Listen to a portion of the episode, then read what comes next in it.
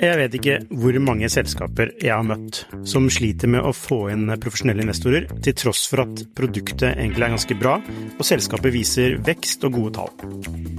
Hvis det er én ting de proffe investorene er på utkikk etter, i tillegg til at du bygger et bra selskap, selvfølgelig, er hvordan du håndterer dine aksjonærer, eller ditt såkalte captable, som det heter på startupsk. Et ødelagt captable setter rett og slett en stopper for selskapsutvikling. Unlisted.ai gjør det mulig for selskaper å håndtere aksje- og opsjonsprogrammer, aksjeeierboken, captable og det meste av rettigheter inn mot aksjene i selskapet på ett sted. Prøv unlisted.ai sin gratisversjon i dag.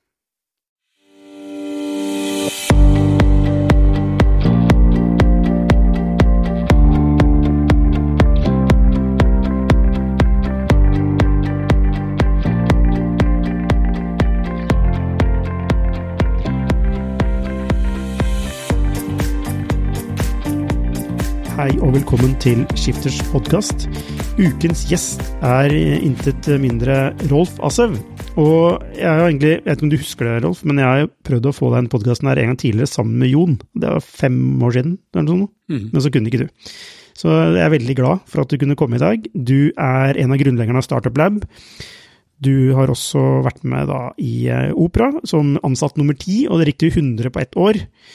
Eh, og det har vært en helt eventyrlig reise. Eh, hva var det du sa? Hvilke selskaper er det Opera klarte å få kontrakt med, som ingen andre norske selskaper har klart før? Ja, Det er litt morsomt å se på sånn i ettertid. For Jeg tenkte at det var normalt jeg får startups å jobbe med de selskapene, men når jeg ser selskapet Startup så er det jo veldig få som har kommet så langt som vi klarte i Opera. Så vi signerte jo Nokia, IBM, Samsung, LG, Motorola, eh, Google, Yahoo. Alle de store selskapene gjorde vi avtale med.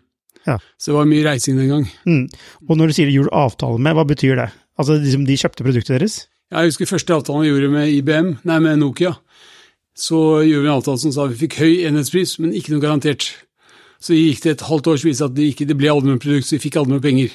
Så neste avtale det var lavere enhetspris, men med en minimumgaranti. Mm. Så vi lærer litt underveis, da. Det gjorde vi. Ja, nettopp. Og da var, for det, Opera var jo en nettleser. Og hva er det deres hva, hva, hvordan, hva kjøpte man da? Man kjøpte nettleseren til, til Altså I utgangspunktet så lagde vi en liten nettleser for eh, desktop for PC-er. Men etter hvert så, mens alle våre konkurrenter lagde en desktop som ble større og større og kunne gjøre mer og mer, så lagde Jon en browser som var veldig liten og rask. Så når mobiltelefonen endelig var klare for å ta imot en nettleser og internett, så hadde vi den eneste browseren som var tilgjengelig på markedet. Mm. Og det snudde jo helt rundt, eh, så vi ble jo veldig populære blant mobiltelefonmarkedet tidlig. Hvor mange brukere hadde dere? På 450 millioner brukere. Tenk på det. Ja. Du, du sa, dette er jo veldig imponerende. Så på den annen side, altså hva skjedde? Ja, Det som skjedde, var jo at øh, vi klarte å komme opp med en ny teknologi som gjorde at vi klarte å, kompri å, å, å komprimere dataen slik at det passet på en liten skjerm og liten telefon og bildetelefon. Det var det ingen andre som kunne. Så da gjorde vi avtalen med alle, nett, alle teleselskapene først og fremst. Og mobiltelefonene de var litt tilbakeholdne i begynnelsen. Men så kom det en kar som heter Steve Jobs, som lagde iPhone, som plutselig åpnet for at internett skulle være på telefonen. Og da snudde alt seg over natten. Da ringte alle oss. Da var det neste tre månedene så var det møter hver uke med de store selskapene for å signere avtaler. Ja. Men i dag så er jo ikke Opera en nettleser som vanligvis, man vanligvis har på en mobiltelefon, er det? Og det har fortsatt 250 millioner brukere over verden, men Ja. det er klart de er sterke på ikke iPhone, de er sterke, mer sterke på Android, Ja. som er tross alt det største operativsystemet. Mm. Så eh, det er jo en helt eh, syk reise. Nå er jo Jon von Tetzschner han er vel nå eh, han er jo gründer av eh, da, Vivaldi, som altså er en ny, ny, ny nettleser, hvor du også sitter i styret. Ja. Mm. Hvordan er det et sånt styremøte foregår? Nei, det styremøtet er ganske enkelt. Det er han og meg, og så hvis det blir store krangler, krangler, så sier Jon husk at det er jeg som eier butikken, så bare klapp, og da klapper jeg. Nei, vi har gode diskusjoner. Jon og jeg har alltid hatt store og gode diskusjoner, alltid. Han er vel den jeg har vært mest uenig i mange ganger, men han er også den som alltid har hatt mest rett når jeg, de har jobbet sammen med. Ja, Så det, det er bare å ha respekt for det han tenker og gjør. Ja, Mm. altså, han klarte jo å overbevise deg om å avslutte en karriere for å bli med i opera. Mm. Altså, hva, hvor var du da han spurte? Ja, Da var jeg for så vidt, hadde jeg sagt opp jobben min i Gell McKinsey, så var jeg litt in between. Jeg jobbet litt for Microsoft. Så så jeg Jon på scenen på et sånn dotcom-event. Da holdt han opp en en mobiltelefon, så sa han i framtiden kommer alle telefoner til å ha en større skjerm og en, en internettleser. Alle skal ha tilgang på internett. Og den internettbraseren kommer til å hete Opera, sa han. Alle lo. Men jeg gikk, jeg, jeg gikk bort til han etterpå og spurte kan jeg få lov til å jobbe for deg. Så gikk det to uker, så jobbet der for Jon. Mm. Ok, hvorfor trodde du på han, hvis alle andre lo? Nei, han hadde rett og slett passion, hadde, det lyste jo øh, visjoner av øynene hans. Det har det alltid gjort. Mm. Så Jon har en egen egen egenskap til å tiltrekke seg gode mennesker. fra- Nå sier ikke at jeg er god, men han har gode mennesker fra hele verden som kommer og jobber for ham, som er veldig lojale til Jon. Så i Vivaldi i dag så er det jo 60 ansatte eller noe sånt. 50 av de er jo tidligere ansatte i opera som har jobbet for Jon. Folk ønsker å jobbe for Jon fordi Jon er Jon. Mm. Det er en unik egenskap. Ja, men altså, likevel. Altså, det, det kan ikke vært friksjonsfritt for deg å bare bli med på en eller annen, en, på det tidspunktet, en random startup. Ja, På det tidspunktet så var det ikke ordet startup fantes vel egentlig ikke i Norge, så det var bare en, en liten bedrift. Ja, men det var, det var, det var i.com, ikke sant? Dette var .com 99. 99, altså før det smalt? Ja. Ok, så du, du var egentlig du, du var nysgjerrig og snuste på dette Ja. teknologispacet? Så husker jeg diskusjonen første gang. Det, jeg tenkte at jeg var en viktig person, skulle drive med salg og markedsføring. Jeg tenkte jeg skulle få 20-30 av selskapet. Jeg fikk 3% 3,3% Det var ganske kjipt. Så snudde jeg meg rundt og tenkte er det dette jeg har lyst til? Og det var det. Så ble jeg med på den reisen. Mm. Så Det det, var veldig morsomt. men 3, Helt riktig. 3 var ikke så ille? Nei, i ettertid så ble det veldig bra. Veldig bra. Det er riktig. Ja. Ok, så, så du, eh, du kom inn da i, kall det teknologispace. Ja, men du jobba, ikke du i Microsoft? Var det? Nei, jeg jobbet for Microsoft med kommunikasjon. Med kommunikasjon. Jeg jobbet med Gilman Kise for Microsoft. Ja. Og når jeg er ferdig i Gelman Kise, så ville, Microsoft at jeg jobbet for de Ja. på egen. Så det er jo en periode. Så det er liksom egentlig PR og kommunikasjon som er din Ja, jeg er en uh, sliten blåruss fra Handelshøyskolen. Ja, PR-kommunikasjon lærte jeg av Hans Gelverden i Gelman Kise. ja nettopp. Og det kan man bruke overalt. Det bruker jeg mye nå med startups også. Ja. Ta en klar posisjon. Mm. Skill deg ut. ja. Mm. Og her mener du at norske startups er veldig flinke? Noen er det. Ja. Noen er veldig flinke. Ok, da skal vi Det komme, begynner på toppen. da skal vi, da, det skal vi komme tilbake til, på hva som skiller de flinke fra de mindre flinke. Ok, så mm, det, operatiden eh, var en fantastisk reise, men så gikk du sluttet, på en, du sluttet til slutt? Ja, Jon sluttet i 2000 og 2011, og jeg sluttet i 2012. Ja. Så det var ikke helt det samme når hun sluttet. Eh, På det tidspunktet så var Opera blitt mer et selskap som kjøpte opp masse nye selskaper, og litt av den gamle energien var borte. Da sluttet jeg rett og slett uten å vite hva jeg skulle gjøre. Men den dagen jeg sluttet, så banket det på døren. Da var det en franskmann som sto på døren og sa Rolf, jeg har hørt at du kanskje skal slutte i opera. Jeg trenger hjelp til å starte et selskap. Vi skal lage et mattespill som gjør at barn lærer matematikk uten å skjønne at de lærer matematikk. Mm. Dragonbox heter det. Ja. Og da sa jeg det passer bra, for jeg har akkurat sagt opp i dag. La meg bli med, jeg kan komme, på, komme til deg i morgen. Mm. Så tok vi en kaffe dagen etterpå, og så var vi enige. Ja, er det Jean Baptiste? Jean Baptiste, ja. Ja. Mm.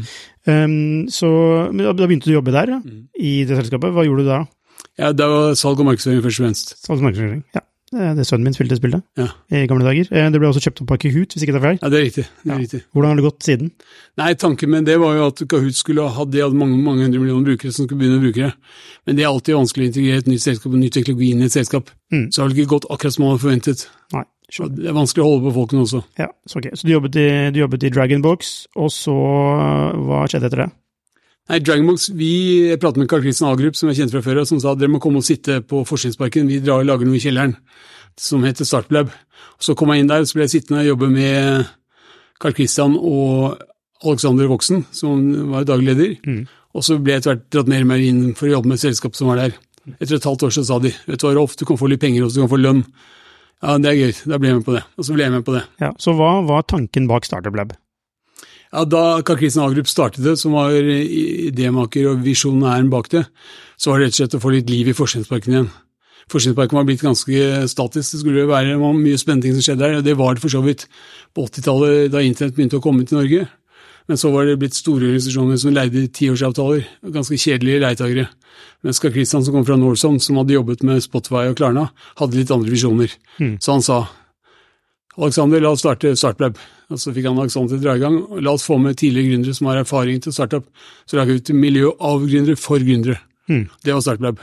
Ja, Mm. Så hva er målet da? Altså, Er målet at man skal få flere selskaper til å lykkes, eller flere, hva, hva er målet? Ja, målet vårt den gang var å skape nye arbeidsplasser i Norge, lage det nye Norge. Ja. Det var målet. Mm. Men så oppdaget vel Karl Christian Agrup at det å drive en sånn startup lab kostet 5 millioner kroner i året. Mm. Etter to år så sa han gutta, dette kan jeg ikke betale for resten. Nå, nå må dere ta over butikken. Nå kan dere kjøpe selskapet, så kan dere ta over. Da var vi fire stykker som var der. Så kjøpte vi selskapet, det var et tapsprosjekt på fem millioner kroner. Hva skjer da? Da skjer det to ting når du eier et selskap som taper penger. To ting. Én, du reduserer kostnadene, og to, du øker inntektene. Så da var det slutt på disse visittkortene til Alexander som kostet 6000 kroner per person, og det var slutt på dyr øl til 100 kroner flasken. ikke sant? Da ble det vanlig Ringnes. Mm. Og så begynte vi å jobbe med næringslivet for å lage partneravtaler, så partnerne kunne få noe igjen for det og betale for det. Mm. Så klarte vi ved faktisk Per Einar, som nå er sjef i Startlab, å lage et fantastisk partnerprogram som gjorde at vi faktisk fikk penger nok inn til å betale lønningene til de som jobbet der. Mm. Det er vel noe offentlig støtte inn i bildet? Ja, Siva var veldig tidlig ute og hjalp oss. Ja. Så litt offentlig støtte hadde vært til. Det har vært veldig viktig for oss for at vi skal kunne øke kapasiteten. Hvis ikke så hadde vi hatt kanskje 10-15 selskaper der. Nå har vi 100 startups til enhver tid. Ja, men er det sånn at det, det, altså det er, vel ikke, er det omsettelige aksjer? Det er å eie, Startup Lab? Hvordan hvem selger skal selge til, liksom? Nei, det, men det, grunnen til at jeg tror vi hatt suksess med Startup, var at når vi startet Startup, så var det ingen som skulle bli rike på det. Vi gjorde det fordi vi hadde lyst til å bygge nye selskaper. Det var en passion som drev oss. Og det er det samme som jeg ser i startups. De startupene som drives av passion, Ja. de kan kanskje bli rike, mens de som drives av å bli rike, de blir aldri rike for de selger for tidlig. Ja, Men hvem, hvem er det startupene kan selges til? Altså, det kan jo være noen internasjonale, eller det kan være et stort eh, eh, Fond, kanskje? venturefond, ikke sant. Ja. Mange. Mm. Ja. Men vår mål er å skape nye arbeidsplasser, så jeg tror det er morsomt å eie det selv. ja. Så nå, nå er det jo Dere er ikke fire stykker lenger? Nå har vi 20 par og 20. Ja. Par og tyve som jobber i staben. Ja. Og så er det da Hvor mange selskaper sitter på Startup Til enhver tid 100. 100 selskaper. Så hver uke kommer det inn ett nytt selskap, og hver uke så er det ett selskap som vokser ut. Ja. Ne, Det er dynamikk. jeg har inntrykk av at det er noen selskaper som sitter der hele tida. De kommer seg ikke ut. Det er noen som sitter der litt lenge, Ja. men på den annen side, ta et morsomt eksempel, er jo Atensi. De begynte med to personer i kjelleren da jeg startet. Mm. Nå har de 170 personer og sitter i hele toppetasjen på Forskjellsparken. Kjempereise. Mm. Ja. Utrolig morsomt. Ja. Så noen flytter inn, inn i annen etasje hos oss og får kontorer i en periode, og så flytter de ut andre steder, eller andre steder på parken. Ok, Så Mm. hvis, jeg, hvis jeg starter et selskap og kommer inn i Startup Lab, øh, øh, hva, hva får jeg da? Liksom, hvorfor skal jeg sitte i Startup Lab? Hovedgrunnen er at du skal inn i et nettverk av andre med andre gründere. Så vi tilbyr et nettverk. Jeg sier at det er litt som å være i Palo Alto. Verdien av å være i Palo Alto er ikke at du er nær Sand Hill Road. Verdien er at du har barn i barnehagen, og at du går på Stanford Shopping Mall og kjøper kaffe. At du treffer folk tilfeldig rundt omkring. Så det vi tilbyr, er tilfeldigheter. Vi tilbyr eh, det at du på, rundt kaffemaskinen skal treffe en stor investor eller en mulig kunde, eller andre gründere som kan hjelpe deg. Ja. Så alle gründerne som er hos oss, de får beskjed når de kommer inn til oss. Det er ikke det, jeg kjøper ikke en pult, jeg kjøper et medlemskap. Og det medlemskapet det gir dere visse fordeler, men også visse plikter. Plikten er at hvis folk spør dere om hjelp, så må de gi hjelp, hjelp tilbake. Så det at en gründer hjelper en annen, det fungerer veldig bra. Ja. Så jeg sammenligner Startlab ofte med Olympiatoppen og eh, toppidrettssenteret på Sogn. Jeg var med Odne Sønderhold en gang og trente her. Da trente han som skøyteløper sammen med de beste langrennsløperne, de beste alpingutta. Og jeg så hvordan de samarbeidet på trenings... øh, måter å trene på. Det ble kjempeeffekter. Så du, tre, så, så, så, har du, så du trente med Ådne Sønderhold? Ja. Ok. Nei, jeg, jeg, jeg var, hang, hang vel bak, bak på han med en strikk. Ja. Få lov til å være med han og se på det. Ja, nettopp. Skjønner. Ok, så, mm, så ja, Startup Lab, eh, det hjelper eh, Dere tilbyr medlemskap. Ja, nå skal jeg ikke ta en reklame for Startup Lab, men det, dere har jo fått en veldig viktig stemme eh, og en viktig posisjon i det såkalte økosystemet. Eh, og det, det, det er også, Dere var ganske tidlig ute, men nå har det jo poppet opp mange flere sånne miljøer som, som tilbyr har den samme verdiforslag. da. Absolutt. Mm. Er det noen spesielle selskaper dere ser etter på Startup Lab, eller er det alle kan søke der? Altså, tidlig, så bestemte vi oss for, tidlig så bestemte vi oss for at vi skulle lage noe som var eksklusivt. At vi bare skulle ha med de selskapene som var teknologifokusert. Så vi kjørte det nattklubbprinsippet som fungerer, at det er kø utenfor og god plass inne. Men så står vi i døren og sier vi, du og du, men ikke du. Da håndplukket vi de vi ville ha inn. Da tok vi bare inn gründere med passion i øynene som hadde teknologi som kunne skalere og bli store internasjonale. Kun. Ikke sant? Det var Remarkable og Kahoot de var det for de helt første årene. Veldig spennende selskaper. Og gode mennesker tiltrekker gode mennesker. Så da, når folk sier at det er vanskelig å komme inn, så vil alle inn der. Så vi har alltid sluppet inn én av ti. Nå er det kanskje én av elleve, for nå er det veldig populært akkurat nå. Ok, skjønner. Men det, altså, du får medlemskap, du blir med i et nettverk som er viktig. Mm. Men er ditt inntrykk at det blir færre gründere nå? Altså Er vi liksom på vei ned? Ja, tallene fra Innovasjon Norge sier jo det. Mens søknadsmassen til startup ser vi er ganske bra. Vi har vel aldri hatt bedre startups som søker enn nå. Ja, det, det er interessant. Ok, så øh, på Startup Lab, hva, hva gjør du på Startup Lab? Ja, Min jobb tidligere var jeg litt mer i- med på øh, driften av selve Startup mens nå er min jobb kun å jobbe med gründere, egentlig. Mm. Hjelpe gründerne. Ja. Og da vi tar vi, vi Det som endret seg i begynnelsen, så var vi rett og slett der for å hjelpe gründerne, men så så vi etter et par år at de skal ikke bare ha hjelp, de må trenge penger. Så da snudde vi oss rundt, så gikk vi til tidligere suksessfulle teknologigründere, så sa vi vet du hva, du har tjent mye penger på, på din gründervirksomhet, nå må du gi litt tilbake. Så gikk vi først til Jon von Tetzschner, så sa han hvor mye trenger dere? Fem millioner, sa vi. Så fikk vi fem millioner av Jon. Og alle andre spurte etter Jon, puttet penger i potten til Founders Fond, som er et investeringsfond. Da hentet vi 30 millioner kroner for å investere i startups. Og modellen som vi valgte var helt annerledes fra alle andre, for alle andre investerer i folk som står på en scene og pitcher, mens vi investerte i selskaper som jobbet sammen med oss i fire-fem måneder. Så du som gründer, du kommer inn til oss, så jobber vi sammen i fire-fem måneder, og så ser vi at du er flink, og du sier at Rolf, du er en bra person, jeg har lyst til å ha med deg som investor. Så kommer du til meg og sier jeg trenger penger, og jeg har lyst til å ha deg som investor. Og jeg kjenner deg, du kjenner meg, vi har bodd sammen før vi gifter oss, så blir vi enige om prising på aksjene, og så jeg, så investerer jeg i ditt selskap. Og det er utrolig viktig. Det er vår due deal at vi har jobbet sammen i fire måneder. Det er det ingen andre som gjør. Det er faktisk, vi er de eneste i verden som gjør det på den måten. Ja, det er kanskje ikke så mange som har eh, både penger til å investere og et sted å sitte. Og ser det med 100 startups, ikke sant. Ja, mm. Så det er litt som vi Jeg hadde en, en eh, tidligere sjef i McKinsey på besøk forleden, og han sa nå skjønner jeg hva dere driver med. Jeg, mens jeg står på elvebredden med en fiskestang og fisker etter fisk, så står dere midt i elven med et stort nett og tar de beste fiskene. For dere er der. Ja. Så vi har tilgang på de beste gründerne. ja. Og hva Altså, ja, det, det, ja, det, det kommer jo til et punkt hvor man har det, og så er jo spørsmålet hvordan klarer man å opprettholde det? Ikke sant? Opprettholde at dere får det, det tilfanget av gründere. Det er rett og slett én ting som avgjør det, det at vi klarer å gjøre en god jobb for disse gründerne. Den dagen gründeren ikke er fornøyd, så sprer det seg. Da mister vi den posisjonen.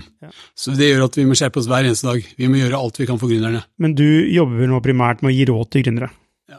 ja så var... Ikke råd, men jeg stiller spørsmål. du stiller spørsmål. Mm. Ja, altså kall det en, en du mentore- mentorerer gründere, kan man si det? Mm. Og motiverer. Jeg er ganske god til å motivere, tror jeg. Ja, Så jeg får de til å tenke større til å løpe fortere. nettopp. Mm. Så hvordan motiverer du da? Nei, for det første så har jeg mye engasjement, så når jeg treffer en gründer, så prøver jeg liksom Wow, dette er utrolig interessant. Ikke sant? Så jeg prøver liksom å sette meg inn i situasjonen og se muligheter. Så de sier jeg har tenkt på det markedet sånn, jeg har tenkt på det markedet der, så sier jeg men hva med det og det? Hva med det? Hvis vi gjør sånn, hva kan vi gjøre da? Mm. Og da sier de yes, det er mer muligheter enn jeg trodde. Det gjør noe med stemningen. Mm. Og så spør de ofte når vi går turer, spør jeg hvor mye omsetning skal du ha til neste år? Så sier de én million, sier de. Jeg vet ikke hvor mange selskaper jeg har møtt som sliter med å få inn profesjonelle investorer, til tross for at produktet egentlig er ganske bra, og selskapet viser vekst og gode tall. Hvis det er én ting de proffe investorene er på utkikk etter, i tillegg til at du bygger et bra selskap selvfølgelig, er hvordan du håndterer dine aksjonærer, eller ditt såkalte cap table, som det heter på startupsk. Et ødelagt captable setter rett og slett en stopper for selskapsutvikling. Unlisted.ai gjør det mulig for selskaper å håndtere aksje- og opsjonsprogrammer, aksjeeierboken, captable og det meste av rettigheter inn mot aksjene i selskapet på ett sted. Prøv unlisted.ai sin gratisversjon i dag. Ja, men du er så bra, du må få ti millioner, sier jeg. Nei, jeg skal en million. Nei, du skal ha ti, sier jeg. Du må klare ti. Nei, men det klarer jeg ikke. Nei, du skal ha ti, sier jeg. Nei, nei, så det klarer jeg ikke, Rolf. Du skal ha ti. Hvis jeg, hvis jeg skal ha ti, da må jeg, sier han, eller hun. Ja, hva skal du, hva må du gjøre da, spør jeg. Ja, da må jeg ansette fem personer som har ti millioner i invest- Mm. Ja, men da gjør vi det, sier jeg. Og så hjelper jeg de med det. Så tenker man større og løper fortere. Så hvorfor sier du ikke 100? Nei, det er, et sotte så feig. Det er et godt poeng. Ok, ja. Nei, um, så, så du tenk, er ditt inntrykk at norske gründere tenker uh, for smått? Ja, noen gjør det. Noen er liksom happy med å bli norgesmestere. Ja. Så um, Men hva er galt med å bli norgesmester? Nei, nei jeg, jeg, jeg sier faktisk at vi skal, vi skal hjelpe gründere som skal bli norgesmestere. Og jeg er happy hvis vi kan hjelpe en startup til å bli ti ansatte. Så synes jeg det er fint. Det er ti nye arbeidsplasser. Det er bra, det. Ja. Men jeg syns det er morsomt å jobbe med de som virkelig har passion, de som har øynene til Jon von som har en visjon med hva han skal få til, og tro på det. Ja. Ikke sant? Så det er noen som har, noen har det, noen har det ikke. Men ja, altså Altså, eh, man, det har vært sånn, blitt sånn mantraer. Ikke sant? Tenk globalt fra dag én og bli svære og, og Men det forutsetter ganske mye kapital, ikke sant? Eh, og så har det blitt en sånn altså en galopp og en eh, konkurranse eh, som har ført til altfor høye verdivurderinger, og så har vi sett en, sett en korreksjon nå, Jeg vet ikke om du er enig i den beskrivelsen? Jo, stemmer det. Eh, og jeg føler at det kommer fra den derre Tenk så ekstremt svært. Mm. Altså, ser du liksom utfordringer med det perspektivet? Ja, det, som, det som er utfordringen, er at det er investorer som går med altfor mye penger tilbake til ditt spørsmål hvorfor ikke 100. Ja. For får du 100 millioner kroner, så blir det litt Du klarer ikke å fokusere. Så det beste jeg kan hjelpe gründerne med, det er å hjelpe gründerne med å få sin første betalende kunde. For en betalende kunde gir deg penger inn, og så får du bekreftet at du er på rett vei. Men det viktigste med en betalende kunde er at du faktisk får fokus på å levere. Fokus på å levere gjør at du du sier nei til alt mulig som det ikke er på å levere. Da klarer du å levere til kunden til den tiden. Ja. Så klarer du å bygge kunde på kunde på kunde, så lykkes du. ja hvor, mye, hvor mye skal du gå all in på den første kunden, da? Altså, hvor mye skal du lage en tilpasning til kunden versus tenke altså standardisering? Lite tilpasning, og det skulle jeg si til kunden også. Jeg lager et produkt som jeg tror på, det må du ta. Og hvis du vil ha egen versjon av det, så skal jeg gi deg en API, så kan du jobbe på den API-en selv. Men jeg lager det jeg tror er viktig for det, så kan jeg selge til andre. Hvis det er andre som spør om det samme som du spør om, så kanskje jeg lager det. Men det blir neste runde. Ja, hvordan får man den første kunden sin, da? Nei, Det er veldig enkelt, det er rett og slett å banke på døren og treffe folk. Mm. Og det, bruker, altså det viktigste vi gjør i Startup, er å tre- trekke på nettverket vårt. Ja. Så jeg ringer jo, har du gått på handelsskolen i Bergen, så kjenner du mye rare folk. Mm. Så jeg bruker mesteparten av min tid til å ringe gamle handelsskolefolk og få de til å komme på Startup på en kaffe for å treffe gründere. Ja. Men altså, det er for så vidt greit, men jeg tenker hvis du har et godt verdiforslag, så skal du ikke være avhengig av ditt nettverk for å nå Altså, man må ikke være avhengig av Startup Lab for å liksom klare Helt enig. helt enig. Ikke sant? Så hva er det, får du, hva, liksom, hva er en god metode for å få en Det er bare én ting som er viktig, det er å lage et produkt som folk vil ha. Ja. Hvis jeg, hvis jeg hjelper å få en første kunde, så vil den kunne være referanse. Da får de flere kunder. Mm. Ja. Og det, det sier jeg også til gründere. Hvis, hvis du må betale masse markedsføring og advokater for hver kunde du får, Mm. så mm. lykkes du aldri. Du må få nye kunder fordi det, ordet sprer seg. Ja. Men er det Lager man ikke produkter som kunden vil ha, i utgangspunktet? Er det, er det, er det har, du, har du opplevd det på Startup de, Absolutt. absolutt. Ja. Jeg har selv vært med på å starte et selskap hvor vi lagde et produkt som egentlig kunne, ikke kunder ville ha. Ok. Hvorfor gjorde dere det?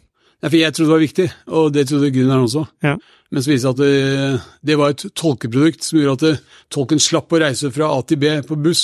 Bruke en time på reise for å tolke. Du kunne sitte hjemme på en skjerm og tolke gjennom en skjerm. Ja. Så viste det at tolken syntes det var helt supert å få betalt for en time på bussen. Så de hadde ikke interesse av ikke få betalt for å sitte hjemme. ja. Kunne kunne dere avdekket, avdekket det, Det burde tidligere? gjort mye tidligere. Ja, er det snakker om Skivo? Skivo. Mm. Ja. Hva heter han gründeren? Gautam. Gautam ja. Han er jo en smarting. Norges råeste gründer. Ja. Mm. Så hva gjør han nå? Nei, han har, han har tatt min idé og laget den ti ganger bedre. så det er bra. Han lagde min løsning på tre måneder. Ja, det var ikke en bra løsning, for det var ikke, det var ikke testet det godt nok. Nei, men, altså, han, men han, for han så fungerer, det. Ja, ja altså, han har laget, en han laget noen helt nye produkter, han nå. Ja. Så han, han er, jeg tror han har 160 millioner i omsetning. Ja, nettopp. Så han er, som jeg sier, han er Norges råeste gründer. ja, han var vel også innom opera, eller ikke? Ja. jeg. Kjenner du han fra operatiden, eller? Ja, så jeg ansatte han i opera. Jeg ansatte jo først en jente som het Divisha i opera fra India, som Ja. er så flink. Mm. Og så, etter et år, så sa jeg til Divisha, jeg må ha en til som deg, du er så flink, sa jeg. Så sa han jeg har en bror, sa hun. Og han het Sagar, så jeg ansatte Sagar. Og Sagar var også like flink, så etter et år siden sa jeg til Sagar, Sagar, jeg må ansette en som er så flink som deg. Da sa han, jeg har en bror som heter Gautam. Ja. Så ansatte jeg Gautam også. Så det var to, to, to brødre og en søster som jobbet der. Ok, så de tre bukkene Bruse. Ja, de beste jeg har jobbet med ever. Kjempebra. Ja. Mm. Ok, um, ok, så uh, kunde, må få din første kunde, men det er liksom ikke noe sånn, det er ikke, altså du må lage noe de vil ha. Det, altså jeg tenker det er åpenbart, og det, det sier jo alle, ikke sant? Skaff din første kunde, lag noe de vil ha. Men man, ofte så har man jo en idé om noe, ikke sant? Som du sier, man har en idé om hva kunden vil ha. Så hvordan vet man at dette er, dette her, altså man, noen snakker om product market fit da. Hvordan vet man det? At dette er noe faktisk som Nei, Det vet du veldig enkelt ved å måle og se at kunden bruker det ofte, og kommer tilbake og bruker det. mm, Og ehm, så vet det som vi også sier til våre startups, er at det, første produktet ditt kommer til å forandre seg ti ganger. Men det er det som er verdien i å være startup. Du må forandre produktet. Du må ikke bli forelsket i det første produktet, du må akseptere at det endrer seg. Og du som gründer, det viktigste du gjør er å prate med kunden din. Så den, den feilen som jeg akkurat hadde en walk and talk med en gründer nå, han skjønte at han hadde gjort noe feil. Han hadde ansatt en product marketer, eller product market ma- ma- ma- markedssjef som egentlig skulle sjekke markedet, mens han selv pratet ikke med kundene lenger. Så jeg mistet helt kontroll selv på dette. Jeg sier, du som gründer, du må være den som prater med kundene, og du skal være den som selger til den første kunden. mm, Hvorfor er det viktig? Jo, fordi du har hånd på rattet, du må vite akkurat hvor du skal hen. Mm. Er det, ikke, er det faktisk sånn at det er enklere for en gründer å selge produkter? Hvis man har passion? Den beste selgeren ever yeah. for meg var Jon von Tetzschner. Ja. Ikke sant? Mm. Så derfor er gode eksempelet mitt er Jean-Baptiste i Dragonbox. som var sjef og som hadde ideen for dette. Han satt jo først hjemme og lagde produkter ved papirlapper og fikk barna, venner av barna til å komme hjem og prøve det rundt kjøkkenbordet. Og så lagde han et digitalt versjon på en pad. Så når vi fløy til Paris, hvor vi hadde utviklerne våre, så satt han alltid ikke siden på fly, ikke ved siden av meg, satt seg alltid ved siden av en pappa med en sønn. Så gikk han og spurte om pappaen kan jeg få låne sønnen din. I, på flyreisen så satt han sammen med sønnen og så over skulderen til sønnen hvordan, han jobbet. På flyet hjem satt han sammen med en datter og en mamma. ikke sant? Helt tiden så var han på ballen for å se om hvordan produktet kan utvikles.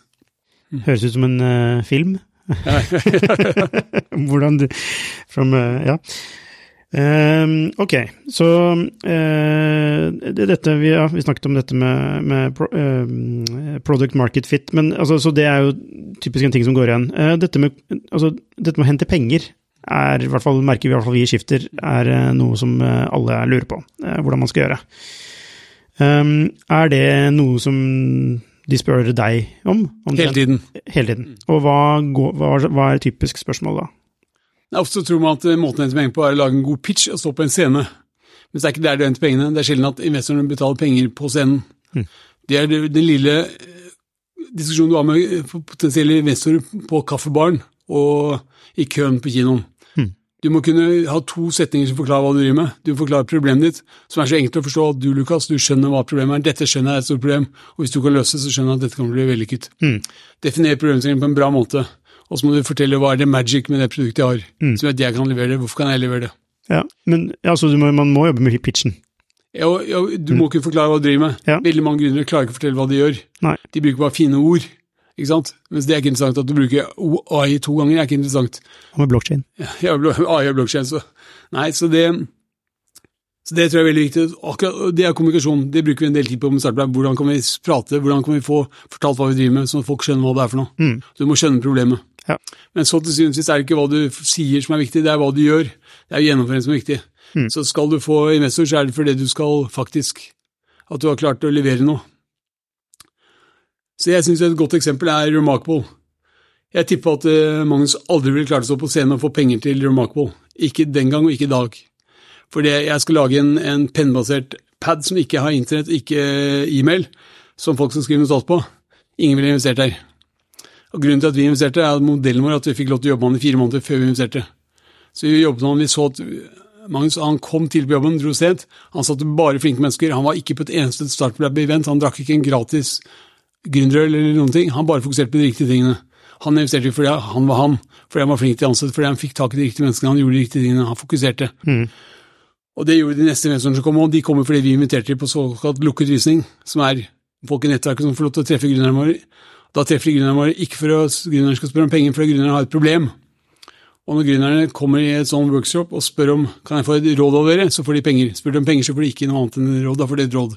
Ja. Så vi fikk satt i Det at folk så at han hadde, at han hadde traction på det han drev med, gjorde at han fikk penger. Og det vil jeg si var det samme med Johan Brann i ut også.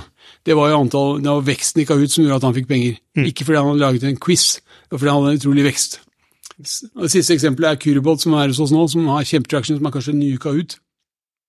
For et år siden så hadde vi ingen penger igjen. Da hadde vi en ny lukket visning hvor vi inviterte folk i nettverket til å komme inn og treffe, treffe de for å ha en workshop for å diskutere problemstillinger. Da fikk han plutselig tre millioner kroner i investering fra de selskapene. Men er, det- er det sånn finte å, å, å, å si at du skal spørre altså, få, få hjelp til et problem, og så skal du egentlig ha penger? ja, Ja, okay. jeg fint det. Men jeg er helt ærlig på det. ok. okay ja. Så da kan du liksom bare si du skal ha penger. Mm. Men eh, eh, altså ja, Du nevnte eh, altså Remarkable, eh, og, og du, du nevner Kahoot, og du nevner Traction. Altså, du må vise til en traction. Mm. Altså, Mm. ingen investorer vil motstå traction. Nei, Er det så enkelt? altså alt annet er jo powerpoint. Da, Ja. må du, da er det fordi du tror på et eller annet, men eh, når du ser at du får til noe, så er det fordi du har bevist et, en, en MVP. Altså Du ser at folk kommer tilbake og bruker det om igjen og om igjen. Mm. Ingenting. Ja. Ja. Da, da skjer det ting. Mm. Så, så traction er utrolig viktig, Ja. og at det er målbart. Mm. Er det et poeng å snakke med investorer når du ikke trenger penger? Ja, det er for så vidt.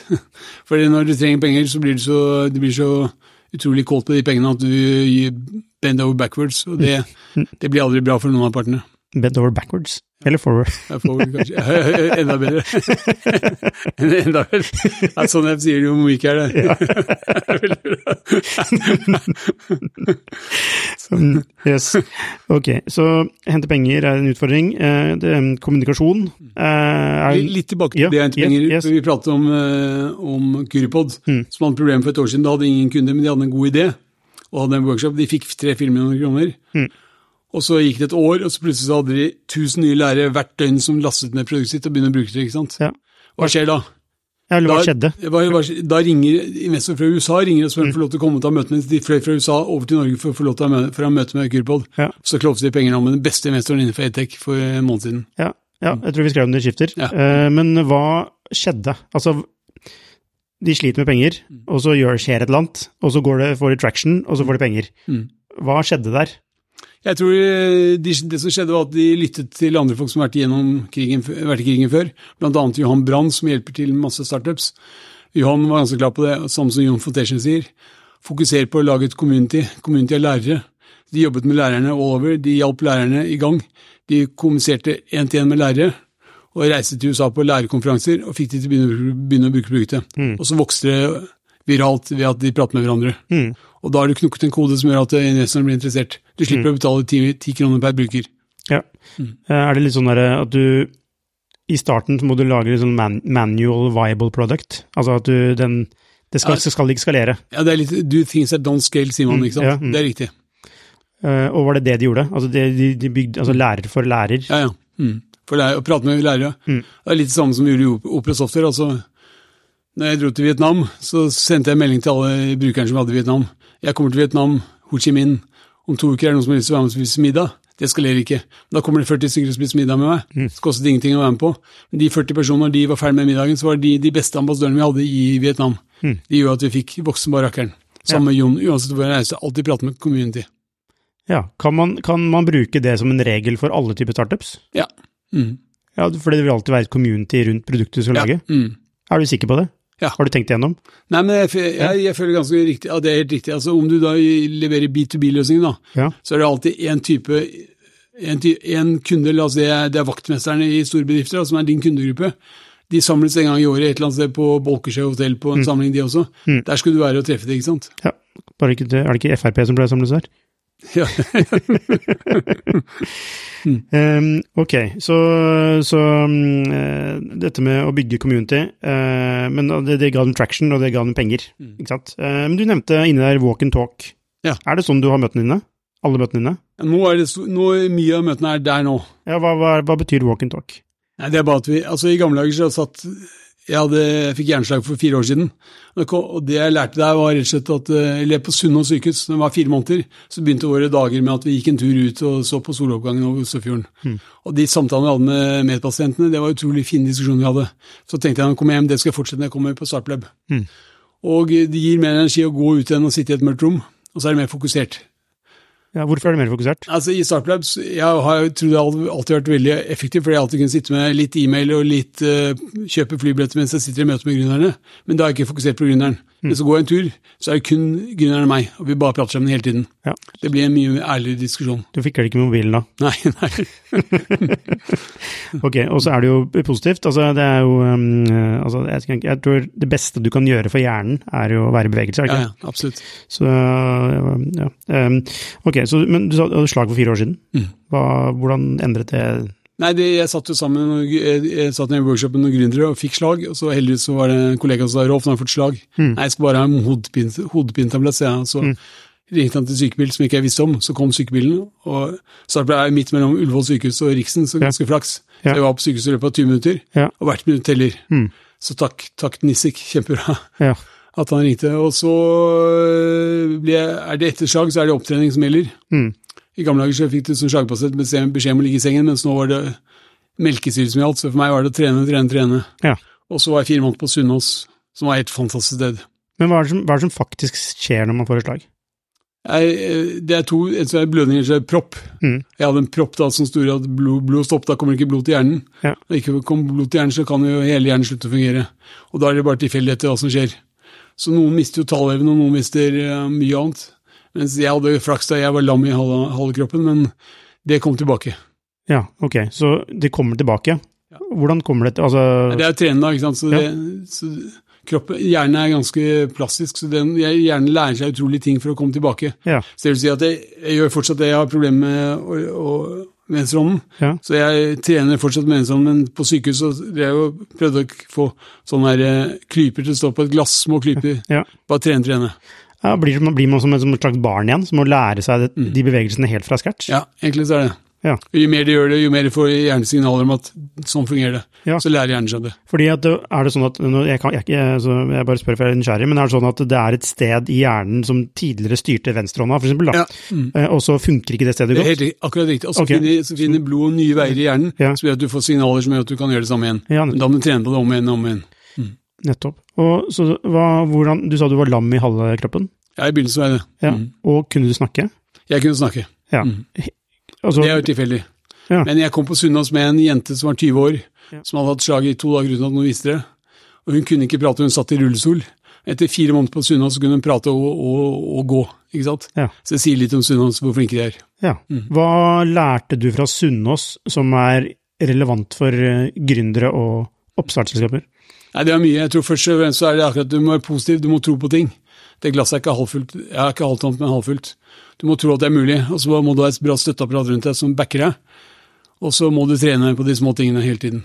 Mm. Så om det er venstrehånden å sette klype glass, eller om det er å gjøre produktet enda mer tilgjengelig for brukere, så er det er masse småting. Sikkert som en del alpinutøvere, de, hvordan de tar venstresvingen er veldig viktig, ikke sant. Ja. Hva har det gjort med ditt perspektiv på livet, da? Nei, jeg tror Jeg sa da jeg var på Sunnaas at jeg skulle tilbake til livet mitt der jeg var, for jeg var så fornøyd. Mm. Eh, og så hadde jeg en fantastisk kollega i Startlab som ville ha meg tilbake, som ønsket meg velkommen, og jeg følte meg velkommen. Eh, så for meg har det vært deilig å komme tilbake, syns jeg. Så det som er forskjellen nå, er at jeg setter mer pris på ting. Mer takknemlig. Og det som skjer når du får slag eller blir syk, så er det to ting. Du kan velge to ting. Enten så er du bitter for at det skjedde, eller så blir du takknemlig for at det gikk bra. Hvis du er takknemlig, så blir livet lykkelig. Og Lykke for meg er bare å være takknemlig. Klarer du hver dag å tenke på at jeg er takknemlig for noe, så blir du lykkelig. Mm. Så det endret seg litt. Grann. Så du er mer lykkelig? Jeg merker, jeg merker selv mer lykkesituasjon. Ja. Ly- Lykkekroppen føler jeg mye oftere. Bare sykle litt i dag i solen. Yes, lykke. Herlig. ja. ja. Hvor mye betyr det å ha et sånt perspektiv? Altså tenke altså da, da skaper du egentlig din egen virkelighet, på en måte. Altså Det er liksom mentaltrenere jobber, er ikke? Ja, det er, det er helt riktig. Og det er liksom, som jeg prøver å fortelle alle, det er helt opp til, det, an det er deg det kommer an på. Du velger selv hvordan du vil ta ting. Mm. Og det har jeg lært, da. Og det prøver jeg også å fortelle gründere også. Du kan selv velge hvordan du tar ting. Ja, har du lest, har du hørt om stoikerne? Ja. Mm. Ja, det, det er veldig sånn stoisk filosofi. Mm. Ja.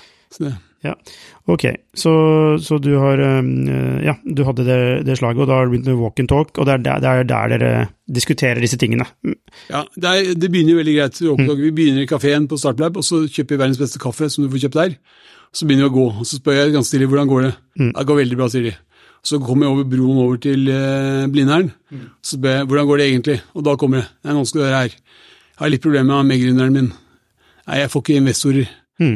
Nei, produktet funker ikke, ikke sant. Da får vi de gode diskusjonene. Ja. Hvor mange er det som har problemer med brenngrønneren sin? Ganske mange. Ja, hvorfor tror du det er sånn? Er det samme årsak, eller er det Nei, vi ser jo nå stadig at det, det er noen ganger at du treffer en gründer litt tilfeldig på et event, og så blir man gründere sammen. Mm.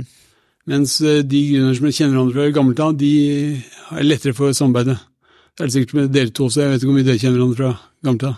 Ja, Vi jobber sammen i Aftenposten. Ja, ikke sant? Mm. Så vi jobber sammen så du kjenner hverandre et par år. Ja.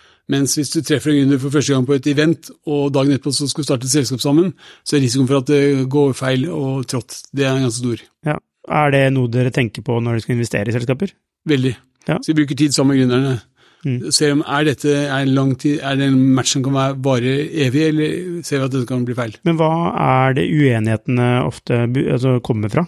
Altså, Er det forskjellig syn på visjon, eller hva er det de på en måte Hvorfor fungerer det ikke? Litt forskjellig, vi ofte litt på visjon, hva vil vi? ikke sant? Skal vi bli norgesmestere, skal vi bli verdensmestere? Skal vi lage et produkt som er hardware, skal vi lage et softwareprodukt? Man klarer ikke å bli enig om produktet engang. Mm. Så Hvordan løser man det, da? En sånn konflikt? Nei, det er veldig vanskelig. Eh, Det er de vanskeligste diskusjonene. Ja. De må sorte ut av det. Jeg stiller spørsmål. Hvilke spørsmål stiller du da? Nei, altså, det er litt hva vil dere egentlig? Hva vil dere med dette? Hva er visjonen? Jeg prøver å få visjonen på tavlen. Ja. Klarer å bli enig med visjonen, så løser alt annet seg. Hmm. Ja, har du, Men har du da sesjoner med begge to samtidig, da, eller? Eller Stort vil ja. alle Nei. Ofte, ofte, begge, ofte de sammen, ja. Ja, nettopp. Uh, du nevnte noen andre ut, Hvilke andre utfordringer er det de sliter med? Nei, altså det er noen som krangler med styret sitt, ikke sant. Eller det er flere, også flere som har gått tur med fordi de får sparken, ikke sant. Det er også ganske triste turer. Mm. Men det hender jo dessverre. Det er noen gründere som, som har valgt feil investorer. Ja. Eller at de selv ikke klarer å jobbe med investorene. Mm. Og eh, det er, det, er, det er ikke ferdig på en dag og en, en tur, det tar ofte mange turer. Ja. Mm. Og de, at de, de klarer ikke å jobbe med investorene. Hva, altså, hvordan kommer man seg ut av det? Nei, etter hvert, altså vi Derfor er vi litt opptatt i Startup at eh, du som gründer, du skal ha kontroll på selskapet ditt, du skal eie selskapet ditt. Mm. Vi tar en liten eierandel. Vi ønsker, vi ønsker å bygge opp deg som gründer. Vi tror Skal vi lykkes med store selskaper i verden i dag, så er det fordi det er gründeren som driver det. Mm. Alle store tech-selskaper i verden er bygget av uh, gründere som har holdt på i hvert fall ti år. Ja. Så vi tror på gründeren. Mm. Så min jobb for deg som gründer, det er å hjelpe deg å få folk med rundt deg som gjør at du blir bedre og sjef. Så vil de at du skal ha kontroll over aksjene når siste investor er inne. Det ønsker vi. Ja, men er dere med måtte, vetter investorer, liksom? Andre eksterne investorer? Nei, vi gjør ikke det. altså Vi, vi, vi, ber, vi ber de gjøre referanse på investorene som de gjør med kunder og alt mulig. Mm. Referansesjekk er viktig. Ja. Vi vet jo hvem som har de samme investorene, så de sier gå og prat med disse her, så får de høre om de er gode investorer eller dårlige investorer. Ja. Mm. Jeg antar at det er noen selskaper på Startup Lab som, eh, hvor det ikke har gått så veldig bra. Hvor det, hvor det rett og slett har blitt, ja, gått konkurs, da. Eh, er det noe fellestrekk blant disse selskapene? Nei, nå er faktisk, nå I høst har jeg planlagt å gå og ture med selskaper som har lykkes veldig, og folk som har mislykkes, for rett og slett å finne ut av det. Ja. Vi har ikke, vi har ikke klart å se det ennå, men det, skal, det er målet mitt nå, å prøve å finne ut. ja.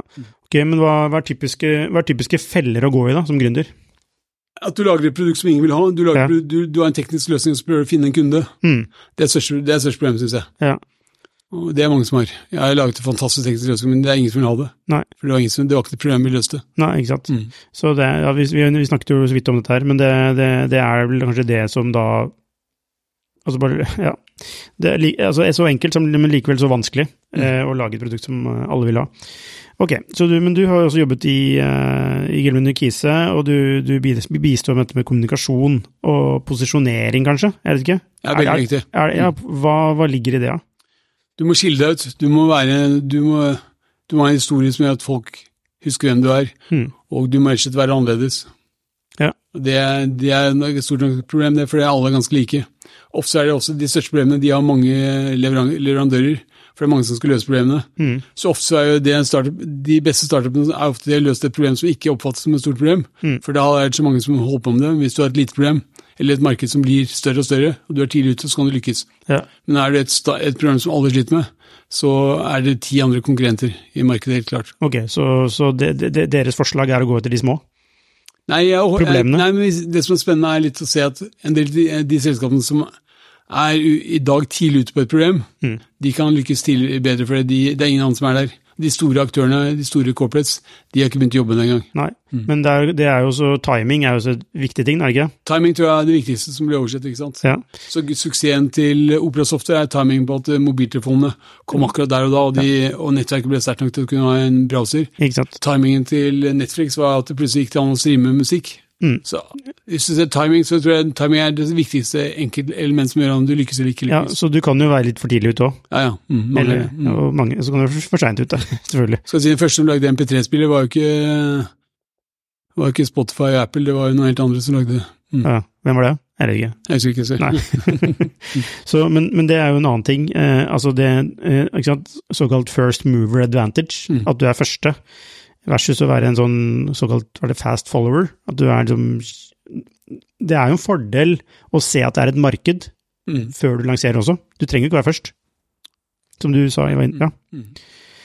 Um, er det noen sel altså, hvilke selskaper uh, i Startup er det du er mest fornøyd med, som har gått best på? Er det kanskje Remarkable? Jeg vil si Remarkable er de som har overbevist meg mest, Ja. de har levert et, et produkt som egentlig er umulig å selge. Ja. Eller umulig å lage og selge. Så de har klart å gjøre noe som ingen andre har klart. Um, Det- altså, når, skjønner, når du sier umulig å selge fordi det, fordi det, for fordi det de har laget, de har laget en ny produktkategori, egentlig. Ja. Ikke sant? Mm. De har ikke laget noen copy-paste, de har laget en ny, ny produktkategori. Og det, det tar litt tid å markedsføre og få inn i Men også er de veldig tro til konseptet sitt. Så vi ser, hvis vi ser de siste reklamene deres, så er det Remarkable det er for at du skal fokusere på å lære å skrive. Ved at du skriver, så lærer du bedre. Mm. Og det som er bra med Remarkable, er at de har folk som elsker det. Det fins mange romaner som ligger i en skuff, det gjør det. Ja. Men de mange som bruker det, de elsker det. Ja. Det er bedre å ha 100 som elsker det, enn 1000 som syns det er ok. Ja. ja, min kone har um, Remarkable, som hun elsker, og jeg har den i skuffen. så sånn er Du må gå all in på den. Du må bruke den hele tiden. Ja, det, ja, helt riktig. Du må gå all in på den. Ok, eh, vi nærmer oss en eh, avslutning. Eh, var det, liksom, er det noe du skulle ønske du visste da du starta din karriere, som du vet nå? Jeg skulle gjerne vise meg om koding. Jeg skulle gjerne kunne kode selv. Hvorfor det? Nei, fordi jeg, jeg, jeg blir short i en del diskusjoner, fordi jeg kan ikke koding. Ja. Ikke sant? Så for meg, og i Opera også, var det samme. Hvis jeg ikke hadde med Håkon Wiem Lie eller Jon Fontecchi eller en annen dyktig utvikler, så hadde jeg klart, så klarte jeg ikke å selge noen ting. Så jeg skulle gjerne kunne, ikke bare for å kunne selge bedre, men også for å kunne forstå mulighetene. Ja, ok, Så la oss si du hadde fått den at du kunne kode, men du hadde gitt, gitt bort en annen bra egenskap. Hva skulle du gitt bort da? Nei, Grunnen til at jeg spør, er for at man kan jo ikke kunne alt. Er kanskje utålmodig, jeg er litt for utålmodig. Eh, Ja, Og det er irriterende for mange, synes, tror jeg. ja er det det? Hvorfor det? Mm. Hvorfor er det irriterende? Nei, for ting tar ofte litt tid, mens jeg har ikke tid til å vente på det. Nei. Så spør kona, så jeg er litt for utålmodig. Mm. Jeg setter i gang med ti ting, og så leverer jeg på ni av de. Ja. Og det er kanskje greit noen ganger, men når du skal male en vegg, er det litt kjedelig, for det er bare 90% av veggen som er malt. altså, vi maler ikke ferdig veggen? Nei. Ok. Eh, Jeg begynner på nytt rom. Ja, nettopp. så eh, hvis, altså det, dette er jo litt sånn, litt sånn teit spørsmål, eh, litt sånn tåpelig spørsmål, men sånn, altså, og vi har kanskje til og med vært innom det allerede, men hvis du skal på en måte gi noe råd til gründere, altså ferske gründere, som har en idé, men som ennå ikke har starta, altså hva, hvordan, hvordan går de frem fra idé til at de faktisk, altså, og det si opp jobben og alt det der, og de faktisk har et produkt ute i markedet? Det å være gründer er veldig ensomt, så jeg sier få med deg folk tidlig så du ikke er alene. Jeg tror at du har fire ganger så stor sjanse for å lykkes hvis du har med deg medgründer. Få i hvert fall en med- medgründer, og kom deg inn i et miljø hvor det er andre gründere. Mm. Så det tror jeg er veldig viktig. Ja, um, ja vi, du, ja, en ting til. Vi snakket jo om det med ansettelser Mm. det tidligere, um, og det er jo en viktig del av det. Mm. Uh, og jeg nevnte for deg at hvis man bare er verdensmester i å ansette, så løser alt seg. Mm. Altså, hvor viktig er det å beherske det å ansette bra? Nei, det er alfa og omega. Jeg sier tilbake til Mm. som jeg bruker som eksempel. Det de har klart å ansette av folk, det er bare å avspille hele tiden, og avspillere de tiltrekker seg nye avspillere. Så Mm. det, de har vært kjempeflinke. Det er mange andre grunner som gjør det, men, men jeg er helt enig med deg. Det er evnen til å tiltrekke seg gode medarbeidere er viktig. Ja, og hvordan gjør man det? Nei, du, du må, for det første må du, du må tørre å stole på folk. Jeg har jobbet også med gründer som ikke klarte å ansette noen mennesker, for ingen var like god som han selv. Mm. Men da blir det bare han selv som jobber der. Det blir ikke noe vekst av det. Nei. Eh, men, hva, men hvordan, eh, igjen da, øh, altså hvordan klarer du å få folk til å være med på visjonen din? Hva, hva, er, hva er triks? Altså, du nevnte Jon von Tetzschner, han solgte inn godt. Altså, hva må, du, hva må til for å få med folk? Altså, grunnen jeg spør er for at når, tidlig som gründer så har du ikke penger. Eh, du får ikke, liksom, det, er ikke, du må, liksom, det er ikke det du kan spille på, at man får en høy lønn. Så hvordan få tak i topptalenter? Du må være, altså Visjonen må være lett å kommunisere og lett å forstå, og så må, du gjennomføre aktiviteter knyttet opp mot den. ikke sant? Så Jon han sa han skulle banke Microsoft, for han hatet Microsoft, syntes Microsoft var noen store tullinger. Så hva gjorde han da? Han, han, han, han saksøkte Microsoft, ikke sant? Mm. Og fikk jo etter hvert ganske mye penger i støtt- i erstatning også, uten at det er kommunisert. Mm. Men det, folk elsket ham for det, ikke sant? for det var mange som hatet Microsoft på det tidspunktet. Mm. Du må ta en posisjon, du må gjøre noe med det, du må stå for det. Mm. Hvilken posisjon er det du tar da, eller hva startup Dev tar? Nei, vi, Vår posisjon er veldig klar at vi skal være på gründerens side hele tiden. Mm. Så vi har laget en ny kontrakt for gründerne. Tidligere så hadde investorene all, all makt, mens vi har laget en ny kontrakt nå hvor gründerne får mye mer makt. Og det blir mye lettere å investere, fordi du går inn og investerer i en firesiderskontrakt. Du trenger ikke en advokat, du skal bare fylle inn to, to navn og to tall, egentlig, så har du kontrakten. Mm. Og så har du som investor du har mulighet til å kjøpe aksjer på et senere tidspunkt. Ja. Så du har- egentlig ingen eierandel akkurat nå. Du tre- har ikke noen styreplass, krav på styreplass. Så du som gründer, du har full kontroll. Ja. Du får Men, penger. men er det så enkelt altså, altså man, man sier jo at den norske altså, Blant norske investorer ikke er så enkelt. Altså, det, er de, det er lavere verdivurderinger, og det er litt flere vilkår etc. Eh, er det et bilde du kjenner igjen i? Ja, det er riktig. Sånn var det tradisjonelt, var det veldig sånn. Mens eh, jeg tror den nye kontrakten som vi har laget, og, eh, en del retningslinjer hvordan vi har jobbet med gründeren, har gjort at ting har endret seg. Så gründeren har mer kontroll nå. Ja, men kan gründeren bare liksom komme med en kontrakt til en investor, og så vil investoren vil ikke bare være med på Altså, det er ikke alle investorer som er så gründervennlige, for å si det sånn. Nei, men det er litt, hvis, hvis du ikke aksepterer eh, stand, de kontraktene som har blitt standard nå, Mm. så faller det ut. Ja. Det sprer seg. Altså, rykte, altså, jeg går med gründere, og jeg vet akkurat hvilke investorer som er hot og hvem som ikke er hot. ikke sant? Det er grunner til at en del gründere ikke ønsker å jobbe med investorer også. Ja. For de prater sammen alle sammen. Hvem er det som ikke er hotte? Kan jeg ikke si. Si en. Men, nei, men det er klart at eh, du som gründer, nei, du som investor, det er, ikke, det er ikke det det kommer an på om det selskapet lykkes, det er gründeren det kommer an på. Og Det er viktig også at du som gründer skjønner at en investor er bare et, et verktøy for å komme meg videre. Det er ikke derfor jeg kommer meg videre, investoren. Mm. Og du er sjefen som gründer, det er ikke investoren som er sjefen. Mm. Ja, for det, det er jo altså, det, Er det ikke mange som har kritisert det, kalt, vi kaller det nordiske modellen, hvor gründeren egentlig har veldig liten andel? Ja, tidligere var det det. Ja, men uh, det har kanskje endret seg litt nå? Det har gjort det. Så vi er, vi er ganske glad på det. Ja. Det gjorde jo øh, han øh, Eilert også i Kahoot tidlig. Mm. Så gikk han inn og fikk kjøpt ut aksjene fra, fra NTNU. TTO, ja. TTO, ja. Mm. Ok, da skal vi avslutte. Rolf Assev, tusen hjertelig takk for at du kunne komme og dele eh, råd og, og din historie og tips fra, fra Startup Lab. Um, så hva blir den største utfordringen for Startup Lab fremover nå? Jeg tror at vi må tørre å ta, ha litt tøffere ambisjoner selv, bli enda mer visjonære selv. Ja, For vi har bygget sten på sten selv, Mm. og er norgesmestere, men vi kunne jo gjort veldig mye mer. Så hva tenker du internasjonalt, eller? Nei, Det kommer fra innsiden, vi må tenke litt på det selv, vi må ville det selv. Ja, men, er ikke- men tenker du internasjonale ambisjoner? Nei, altså, jeg, Vi kunne gjort det, vi ser jo altså, jeg vil si Antler de har store ambisjoner, de har fått til ganske mye internasjonalt. Ja. Tarald Mustad og de Katapult har også fått til mye internasjonalt. Ja. Vi har bygget sten på sten. Det vi har gjort er veldig bra, men vi er norgesmestere, vi er ikke verdensmestere. Mm. Vi kan tenke større, tenker jeg. ja. Så får vi Startup Lab i San Francisco snart? Nei, men det krever også at man bruker mye tid der, så vi må ville det selv. Ja. Så la oss ha en diskusjon internt først. Ok, så, men du vil det? Ja, men jeg vil ikke være på et fly tur til San Francisco hver uke heller, så det er litt Da ønsketenkning. vil du ikke nok, da? Nei, det er, man vil ikke nok. Det er spørsmålet. Det er det vi må finne ut av. Ok. Mm. Uh, ja, takk for uh, igjen for at du kunne komme, og masse lykke til med nye visjonene og ambisjonene for Startup Lab. Tusen takk. Veldig morsomt. Takk, takk. Hei, hvis du likte denne episoden, så abonner på den, og gi den gjerne en femstjerners rating med dine tanker. Hvis du er interessert i temaene vi tar opp på denne podkasten, så anbefaler jeg deg å gå inn på skifter.no, og hvis du mener vi fortjener det, så kan du gjerne støtte oss ved å abonnere på Skifter. Takk for at du hørte på, så ses vi neste uke.